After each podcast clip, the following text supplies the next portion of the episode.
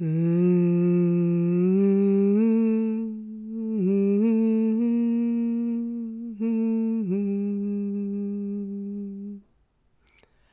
Du lyssnar på Lisels godnattstund och det tror jag att du har koll på att du gör. Kanske till och med vilket avsnitt du lyssnar på. Det här är det där om bananskalste, eventuellt med lite banan i. Och så är det det där med rörelser som hjälper dina vader och underben att släppa på onödiga spänningar. Kanske har du lyssnat på det tidigare, kanske är det första gången. Så är det med Lisels godnattstund. Och det säger jag, Lisel Humla Liselott Sjöstedt. Där har du hela mig. Mm. Och i det här avsnittet går jag tillbaka till det jag kallar originalformat så som jag tänkte från början att det skulle vara. Kanske att jag ändrar lite på tidsrymden som ägnas åt de olika delarna. Men jag vill börja med tips och tricks för en bättre nattsömn. Eller tips och tricks för ett bättre liv. Eh, och sen kommer mellanspelet, mm, nynnandet och därefter rörelserna. För det jag tänkte i början när jag satte igång med Lisels godnattstund, det var att den här första fasen, den gick lika väl att använda innan du har gått och lagt dig. Du kanske håller på att förbereda dig, släcker alla lampor, drar för alla gardiner, ordnar med all ventilation. Ja, allt det där som behöver göras för att underlätta för en god nattsömn. Då kan man medan man är uppe lyssna, sätta igång det här så att det håller ditt fokus på att verkligen gå och lägga dig och inte sätta igång med något annat. Mm. Det var lite igenkänning på det för mig. För jag behöver också Eh, stöd, eh, gränser för det här att ordna runt en god natts sömn. Det kan ju då hända som en baksida av det här upplägget att jag börjar med tipsen och tar rörelsedelen efter den nynnande pausvilan. Att du kanske inte hör hela eller delar av rörelsedelen. Men troligtvis så går ju podden på ändå, även om du skulle råkat ha somnat. Och på något vis kanske du hör det du mår bra av att höra just nu, även om du är på väg ner in i sömnen. För det är väl en av baksidorna med den här podden. Du hör kanske inte hela avsnitten. Mm. Mm. Temat i rörelsedelen, som alltså kommer efter nynnandet om en stund, är vaderna och underbenen på ett underligt och underbart och annorlunda sätt. Och om jag nu har fokus på vaderna och underbenen så är det också ett osökt tillfälle att prata om det jag har med mig som min levda erfarenhet av kramp Och ett väldigt vanligt ställe att just få kramp är vadmuskulaturen, baksida underben. Ja, det fick jag bekräftelse av utav en av våra två små hundar som finns här när jag spelar in. Och jag låter de ljuden vara kvar. Jag själv har inte haft så mycket kramp i vaderna eller tårna, för det är väl också ett väldigt vanligt ställe. Men jag har ju varit med om det. Men det är inte någonting som är en vana eller någonting jag har stor erfarenhet av. Men jag har upplevt det. Och jag har hört många berättelser om det från de som går och tränar med mig. I mitt vanliga vakna liv så leder jag ju mycket gruppträning, både offline och online. Mm. Och då kommer ibland situationer där någon får kramp. Och där har jag min ingång från mina iakttagelser, min levda erfarenhet och mina tankar. Så det är vad jag kommer att prata om vad det gäller kramp. Och i den här tips och tricks-delen så kommer jag också att servera en liten annan lösning på problemet med kramp, eventuell kramp. Och inte ens bara för kramp utan den lösningen har många andra fördelar. Och det är att dricka te gjort på bananskal. Eventuellt. Jag har faktiskt börjat bli mindre hård, som om jag var hård, i mina råd till andra vad gäller bananskalste. Okej okay då. Det går att ha en liten bit banan i. Fortsättning följer. Mm. Så min förståelse, min levda erfarenhet. Nu vet du det och du tar det jag säger som just något som någon berättar från sina erfarenheter och som du kan ta till dig och filtrera genom din förståelse om kramp i till exempel vadmusklerna är att det kan komma när du slappnar av. När du tar det lugnt och när du avlastar vadmusklerna i det här fallet. Och vadmusklerna är ju en del av våra hållningsmuskler. De håller oss uppe när du är igång, när du är uppe upprätt. Men när du lägger dig ner, ja, då får ju helt plötsligt eh, underbenen, vadmusklerna, en fristad.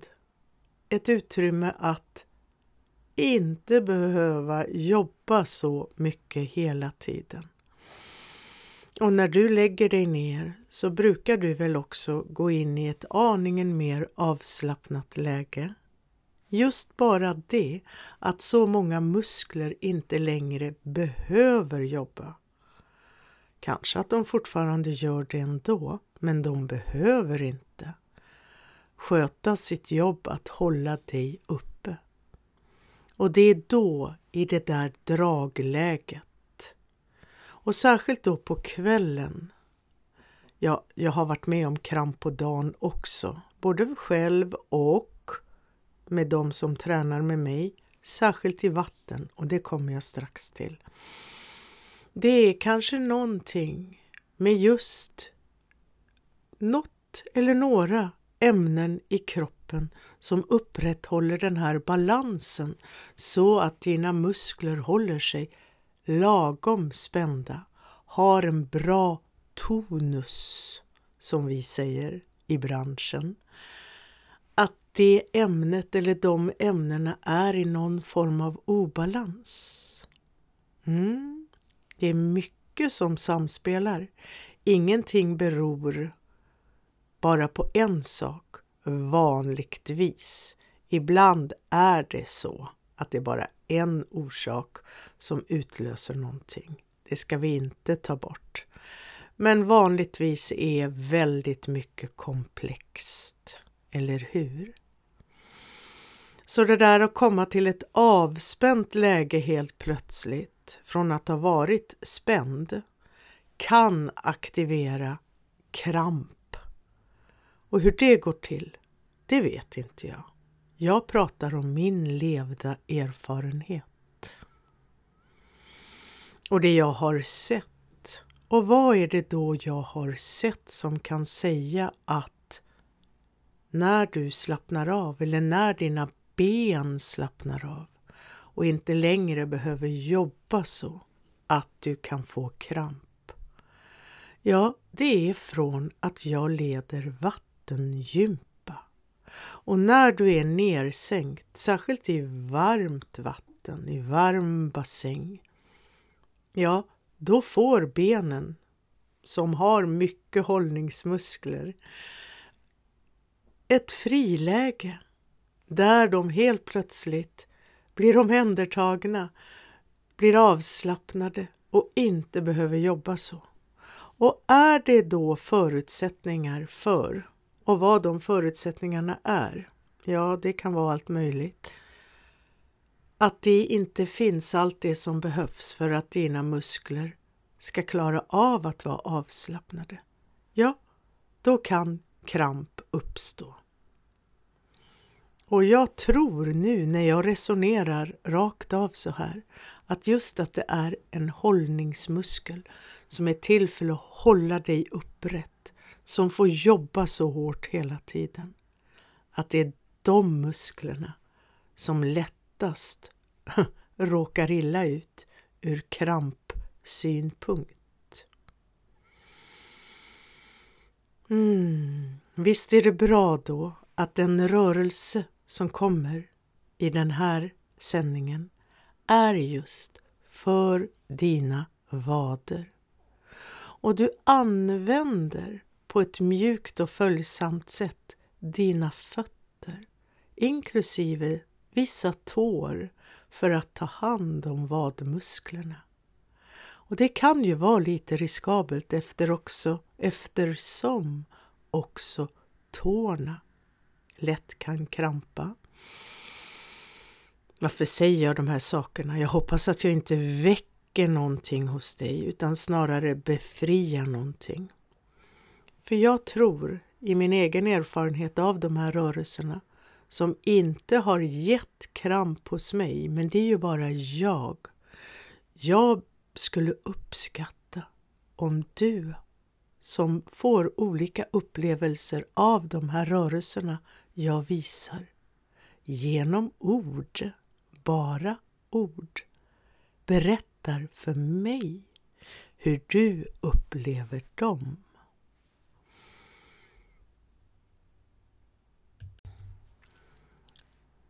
Mm.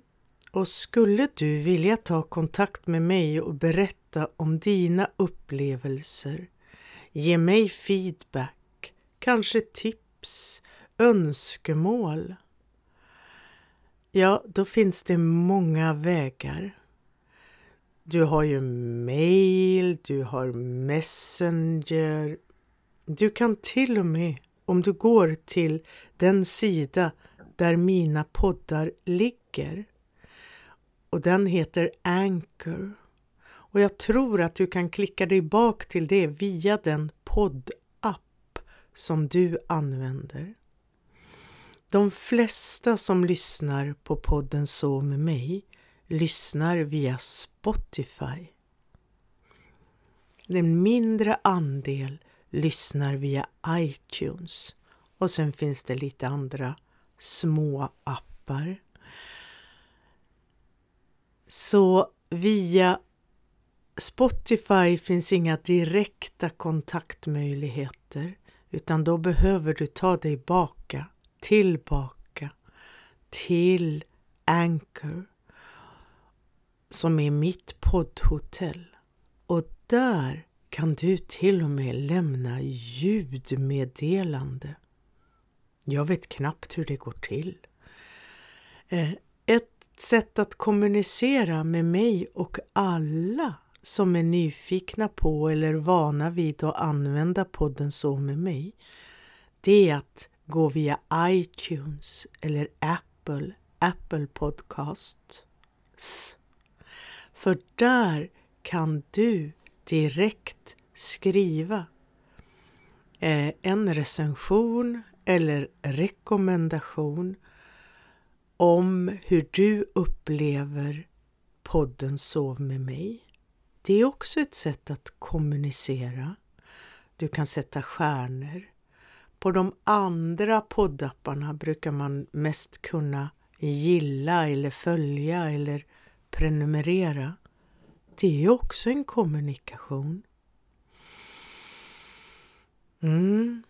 Och det jag är nyfiken på, det är naturligtvis hur du upplever podden Sov med mig och hur vi kan göra den ännu bättre.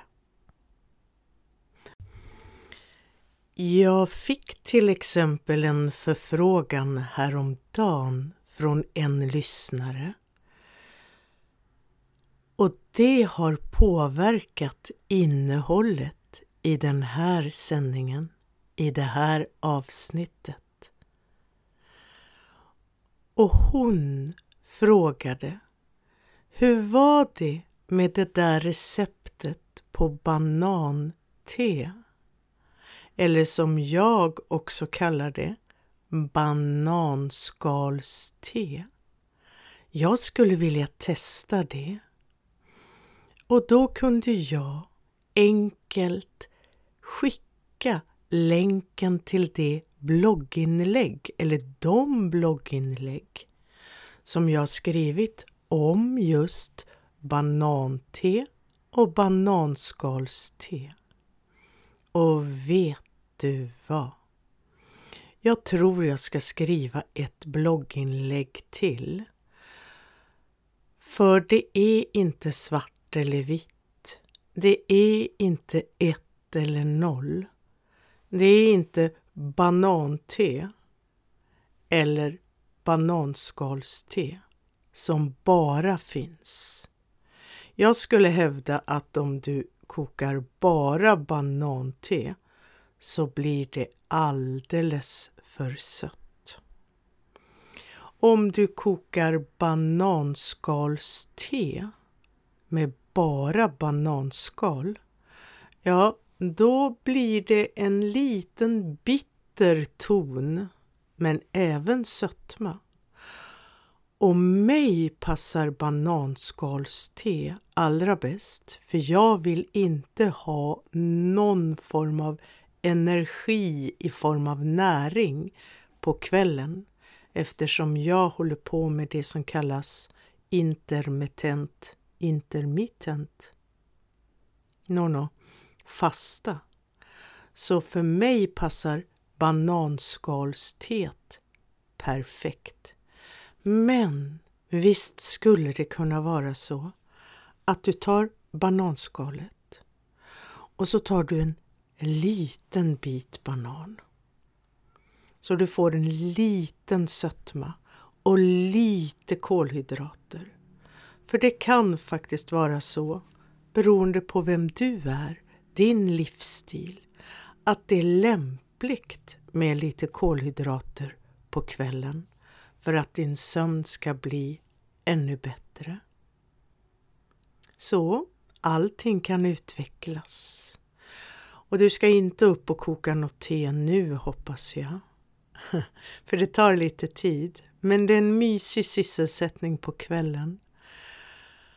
Och du får naturligtvis länk till det här i avsnittet. Så nästa gång du känner hmm, Mm, jag kanske skulle testa det där med bananskalste, eventuellt med lite banan i.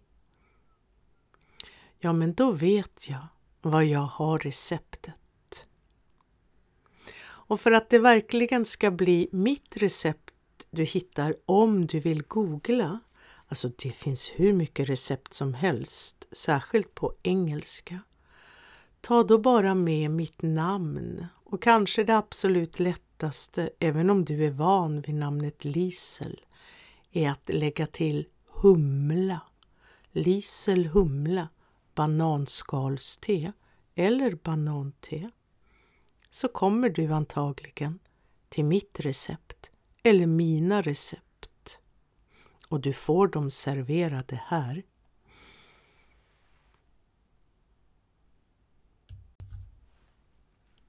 Oj då, var det någon som hängde med på varför du eventuellt ska dricka bananskalste med eller utan banan på kvällen? Ja, du kan ju göra det för att det är mysigt. Men det är faktiskt så att bananskal innehåller mer magnesium än vad själva bananen gör. Men det är ju betydligt lättare att äta själva bananen än bananskalet. Kokar du då bananskalet, ja nu kommer ju hela receptet, ekologiskt tvättat, helst fryst, för då blir det lite sötare. Bananskalet en stund. Ja, då kommer magnesiumet ut, sägs det. Jag har ju inte mätt. Det här är bara vad jag tror på, för att andra säger det. Men det är också sunt förnuft. Och det magnesiumet i kombination med alla de ämnen ytterligare som kan koka ur bananskalet och bananen, om du har med det. Ja, det får ju du i dig när du dricker det mysiga bananskalsteet. Och kramp, som var en annan del av det jag pratat om här, ja, det hör ihop med magnesium och brist på magnesium. Och det finns så många olika sorters magnesium. Och det finns så många olika sätt att få i sig magnesium. Så jag ger inga mer råd eller säger att det där är bäst eller det där ska du göra. För det är inte min sak. Men att dricka en lagom liten kopp bananskalste med eventuell banan i koket. Ja, det ger dig både mysighet och möjlighet att få i dig magnesium som kan hjälpa dina muskler att lättare slappna av när du ska sova.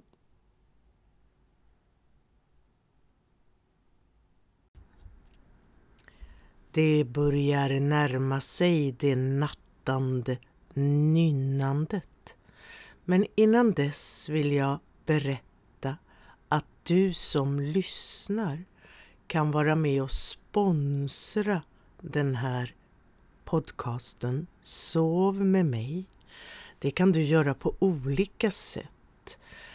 Du kan till exempel dela med dig till dina vänner på sociala medier med olika inlägg om den här podden. Jag har sett att det börjat hända. Det är så roligt och jag blir så stolt. Ett annat sätt att sponsra som man kan göra på flera olika sätt det också, oj då, det är att swisha ett bidrag till Fröken Humla urforma nu. Det ska du absolut inte göra exakt just nu. Men i texten om den här podden hittar du möjligheten. Och de olika sätt att göra det, det är om du vill att jag berättar att du har sponsrat. Inte belopp eller så. Alla belopp är välkomna. Det här hör du i nästan alla poddar du lyssnar på. Antingen är det något företag som sponsrar och får reklam. Men då tänkte jag att du som lyssnar kan väl också få reklam? Men du kan naturligtvis också vara anonym. Nu är det dags för nynnandet. Mm.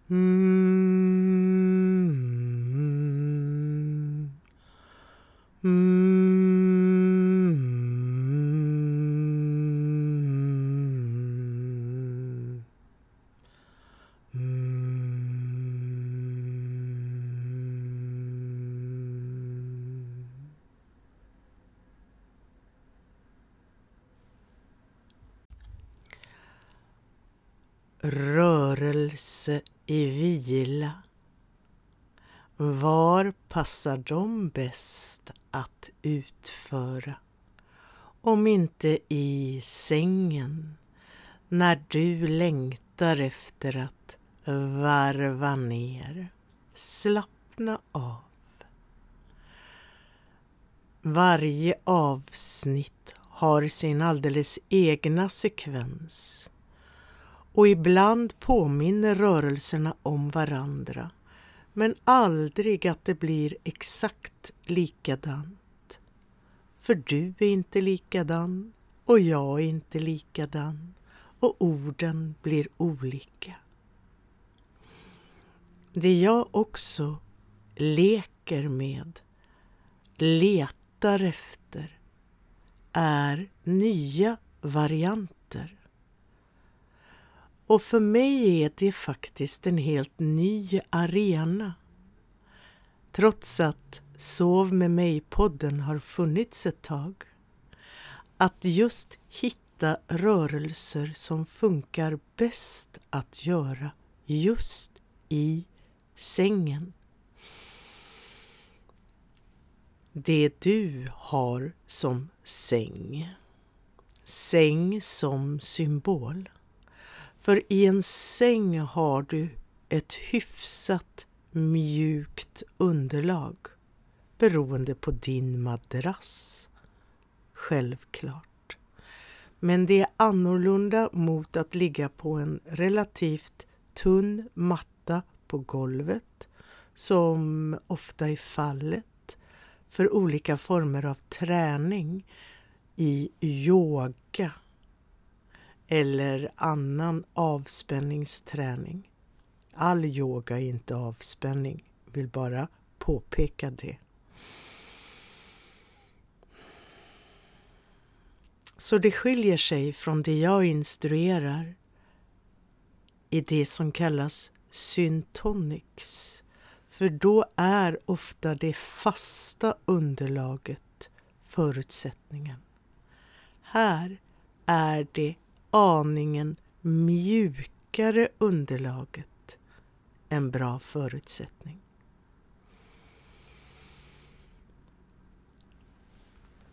De instruktioner jag ger, vare sig jag gör det här eller i en sal till en grupp, bygger dock på samma princip.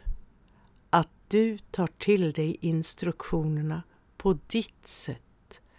Gör förslagen från mig till dina. Ibland kanske det passar bäst att lyssna bara lyssna. Kanske låta bli att göra. Det finns många sätt att ta till sig instruktioner. Bara att lägga märke till hur det är för dig. Vad som händer i dig, vad som känns i dig när du får just den här sortens instruktioner.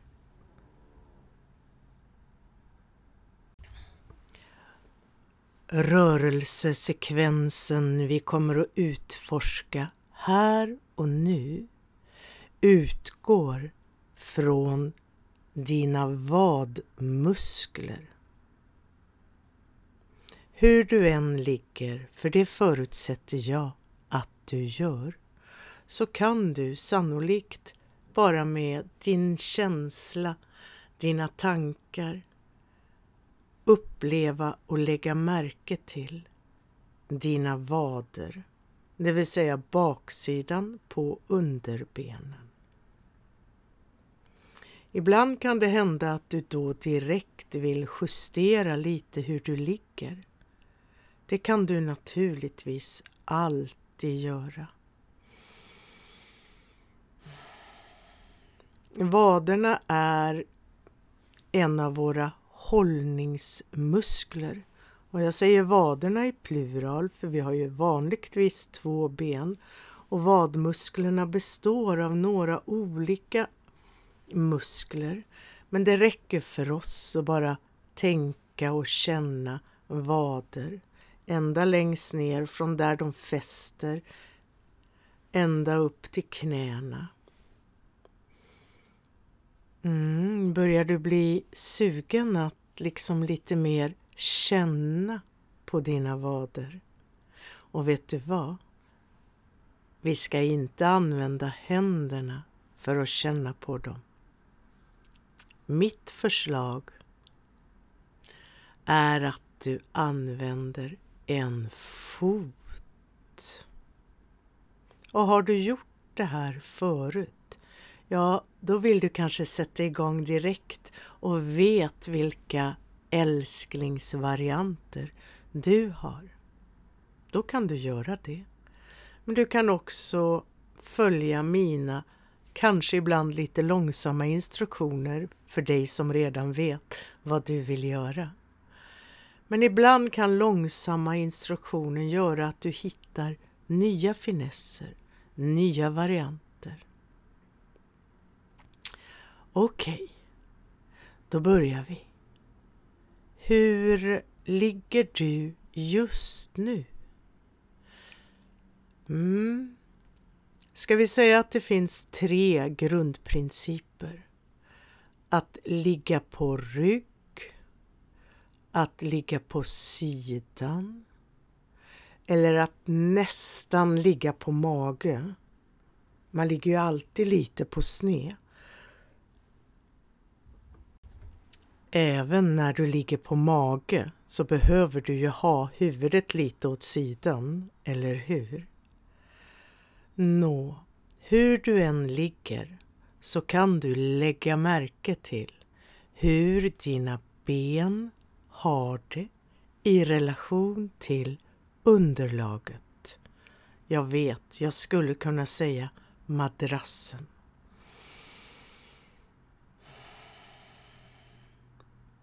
Och hur har benen det i relation till varandra? Två frågor på samma gång. De rörelser vi gör skulle kunna kategoriseras som komplexa.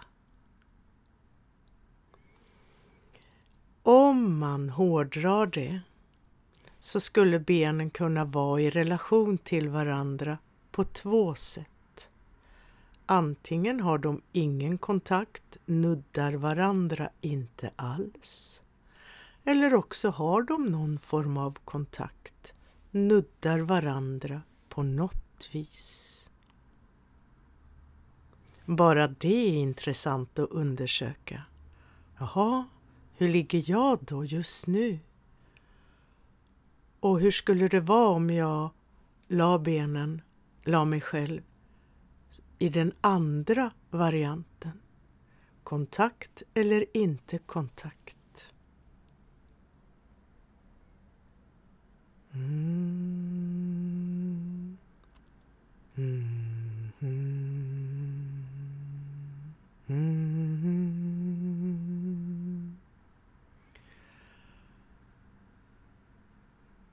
Det minst lämpliga sättet att utföra den här rörelsen det är att ligga på rygg.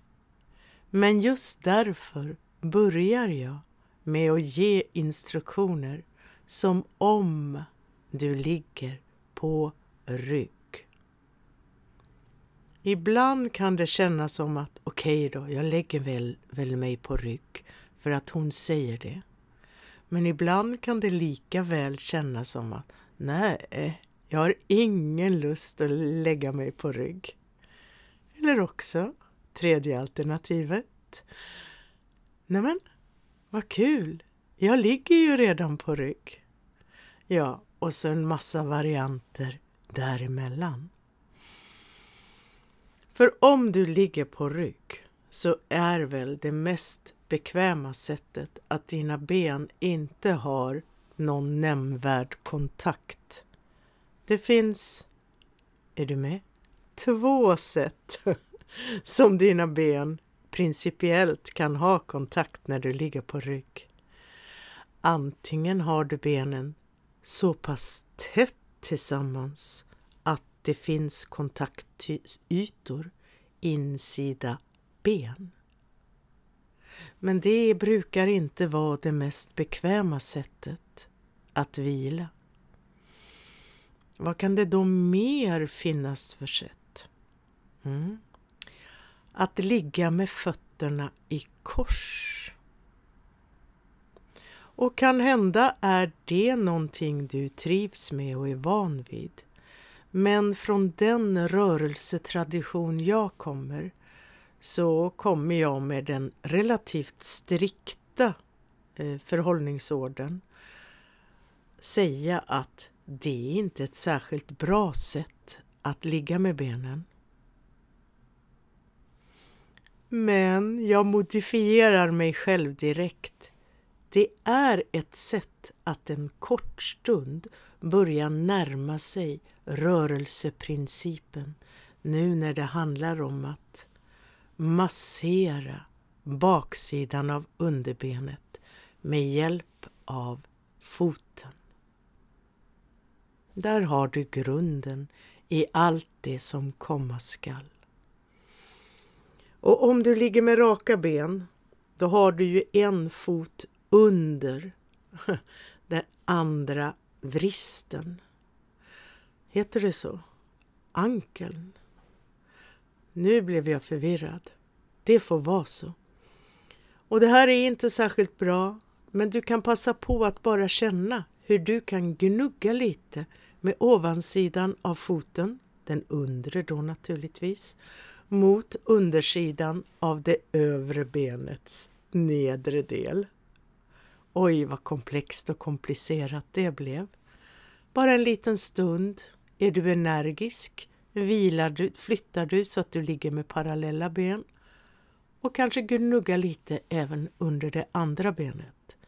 Men det är absolut inte nödvändigt.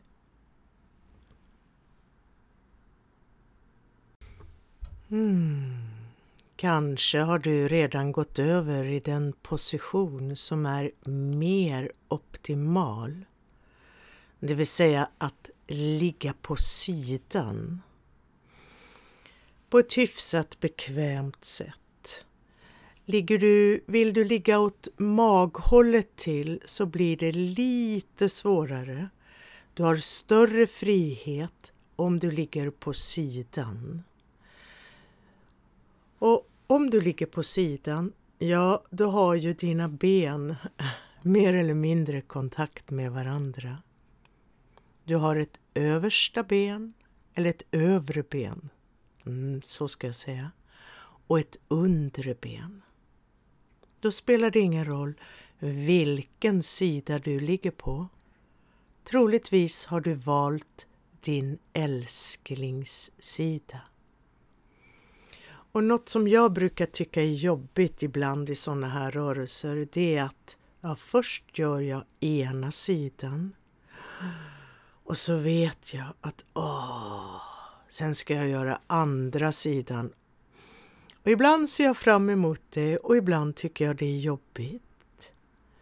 Men då är det så fiffigt med just den här rörelsen att det faktiskt går att massera båda benen, ett i taget då, medan du ligger på en och samma sida.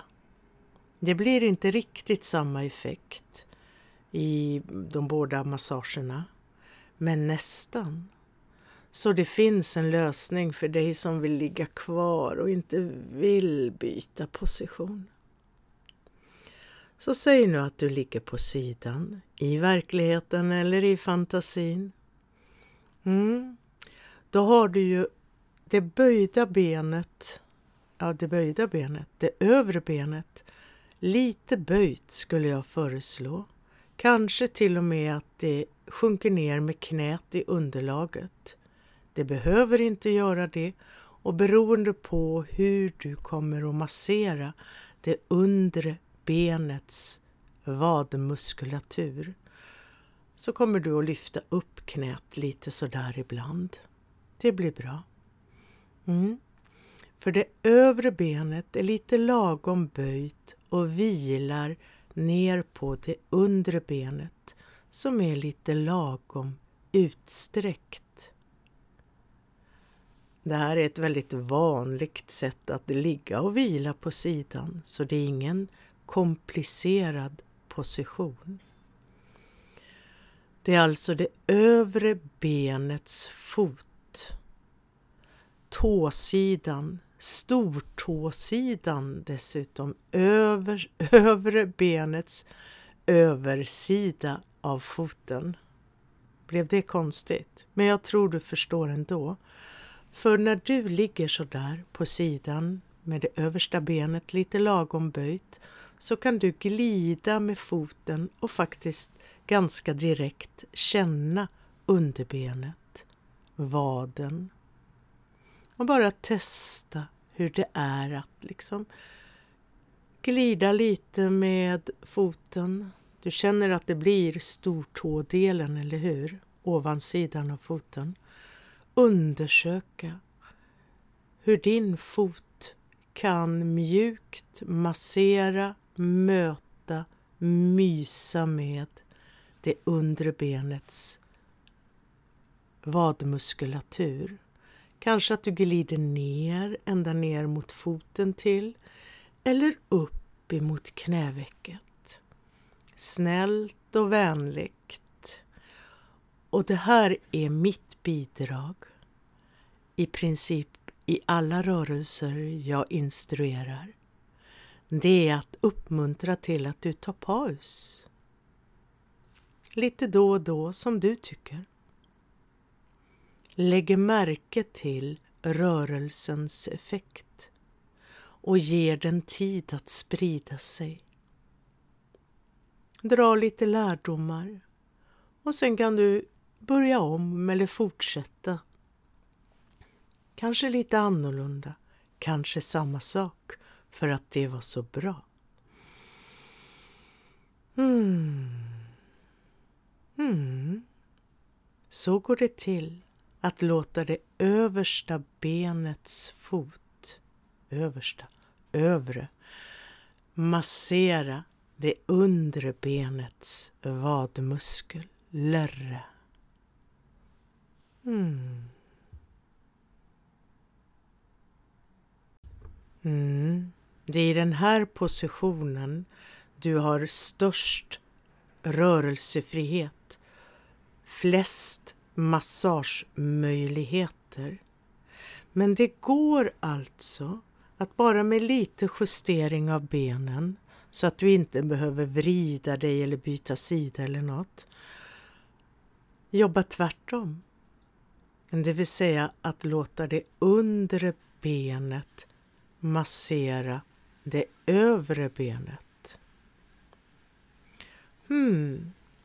Ja, jag tror jag ska låta dig klura med hur du hittar det där bytet.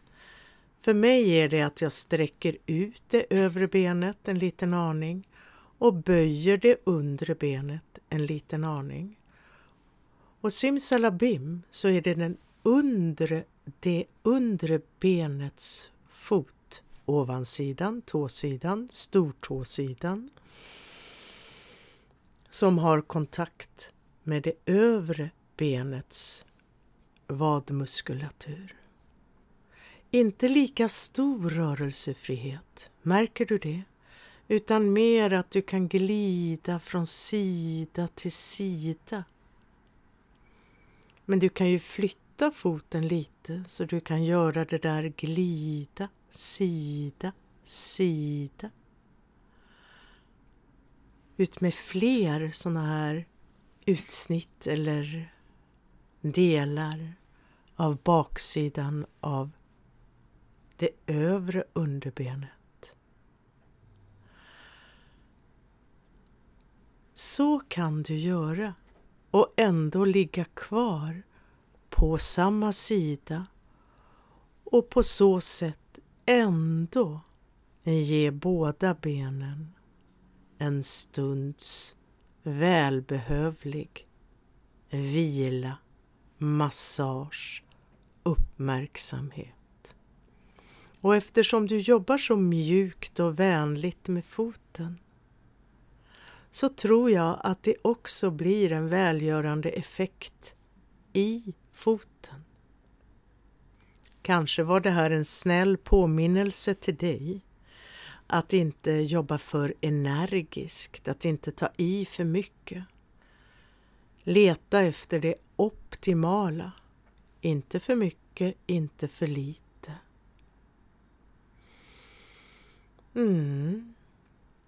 Ja, du har redan förstått att mm, Ja, jag skulle ju kunna lägga mig på ryggen en liten stund eller möjligtvis på mage och på något vis kravla mig över och lägga mig på andra sidan till och göra samma experiment. Den stora fördelen med att göra det det är att du då kommer åt båda benen lika mycket. Att även det, nu ska vi se, det översta benet som då blir det undre benet mm, kan få en mer fullödig över hela ytan på baksidan av underbenet. Men det här räcker så bra att bara göra en sida också. Mm. Det blir till dig att fatta beslut. Och för att du ska kunna jobba i egen fri rörelse så tror jag att jag lägger in en stunds nynnande. Antingen att du nu vilar och upplever tillräcklig lagom mycket just den här gången av den här sekvensen. Rörelse i vila där du masserar vadmusklerna med din fot. Och skulle du känna dig osäker på hur du ska göra om du nu ändå längtar efter att ändra position och utforska åt andra hållet till. Ja, men då kommer du på precis så lagom mycket som du ska komma på idag. Det finns stora fördelar i att upptäcka själv, att komma på själv. Så, jag nynnar och sen avslutar jag med några ord. Och så använder du den här tiden som det passar dig bäst.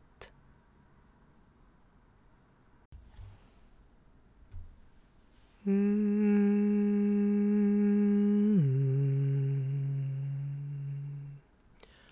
Mm. mm.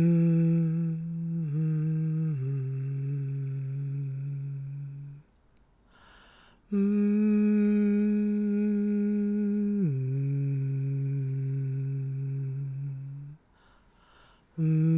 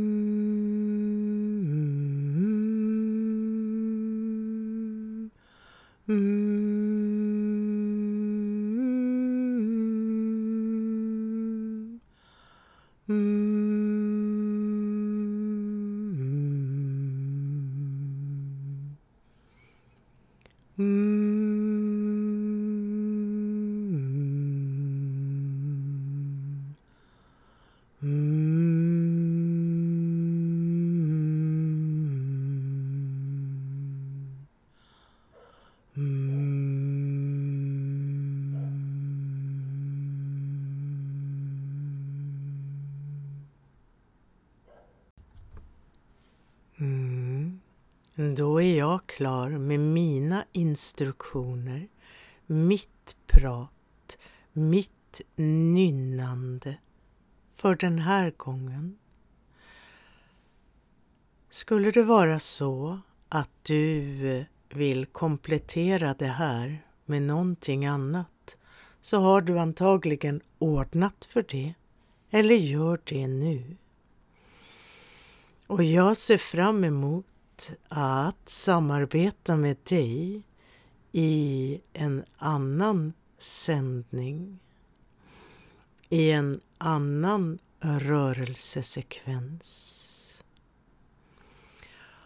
Och jag önskar dig det allra bästa nu och så hörs vi